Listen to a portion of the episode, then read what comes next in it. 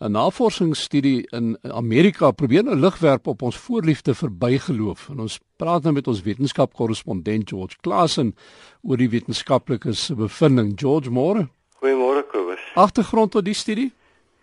Wel die doel was om vas te stel wanneer mense hulle wend tot gelukbringers. Jy weet dit is 'n algemene verskynsel in ons samelewing. Ons ook geluister het na die reaksie wat uh, luisteraars gehad het vanoggend.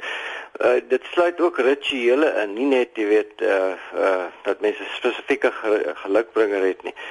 So die rituele waarin mense glo dat hulle geluk sal bring of ongeluk as hulle byvoorbeeld eers hulle linker sokkie aantrek of sê maar 'n hangertjie om hulle nek vryf voor hulle enig van 'n taak aanpak.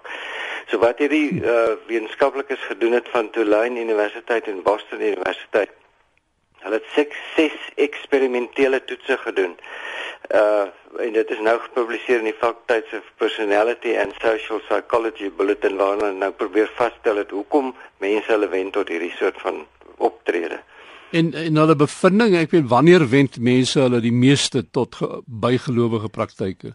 Hulle hulle het uh uh veral twee uh punte geïdentifiseer dat daar 'n verskil is tussen as mense vertoningsdoel nastreef teenoor 'n leerdoel. 'n Vertoningsdoel is wanneer jy byvoorbeeld 'n uh, uh, uh, musiek uh, vertoning gee, uh, optrede of uh, aan 'n tenniswedstryd deelneem of waar daar dit wil sê buitegehoor is en daarom praat hulle ook van geëksternaliseerde doel wat jy nastreef. Uh sodat jy applous kry en en vereer word daarvoor.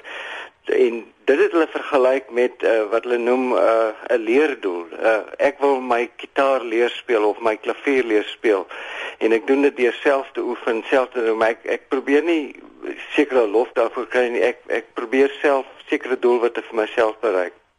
Hulle praat daarvan van 'n soort van geïnternaliseerde doel. En daar's 'n duidelike verskil. Wanneer mense 'n leerdoel nastreef om byvoorbeeld te leer om 'n klavier of gitaar te speel, uh dan uh is gelukbringers meestal afwesig. Maar uh, of is baie is baie uh, minder teenwoordig uh want jy jy jy gee nie om oor die applous nie. Hoe korreleer hierdie bevindinge nou met byvoorbeeld bekende sportleiers wat so lief is vir hulle bygelowige rituele?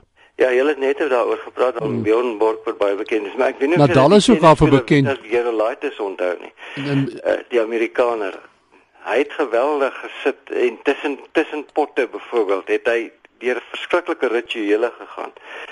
Uh ja, sportleiers veral bekend daarvoor en hulle glo daaraan want dit werk waarskynlik vir hulle of dit werk nie. en hoe meer dit nie werk nie, hoe meer probeer hulle dit op 'n ander manier doen. Rafa Nadal het vanoggend probeer soos gewoonlik en dit het nou nie gewerk nie.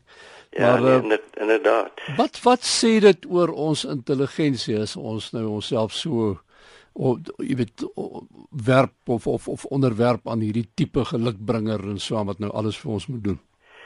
Ek dink nie veel nie. Die navorsers sê ook uh, dat dit nie juist veel sê nie. Die die die punt is mense is nie eintlik rasioneel wanneer dit by die verklaring van oorsake kom nie.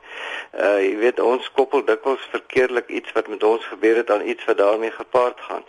As dit 'n goeie konnotasie het, begin ons glo dit het die gevolg het verband met die oorsaak. Jy weet uh uh as as as ons daai daai juweel of daai geluk daai daai hangertjie om ons nek gevryf het en ons was suksesvol dan glo ons volgende keer ons moet dit weer doen en uh, as dit twee of drie keer gewerk het dan glo ons absoluut vas dat dit gaan werk altyd.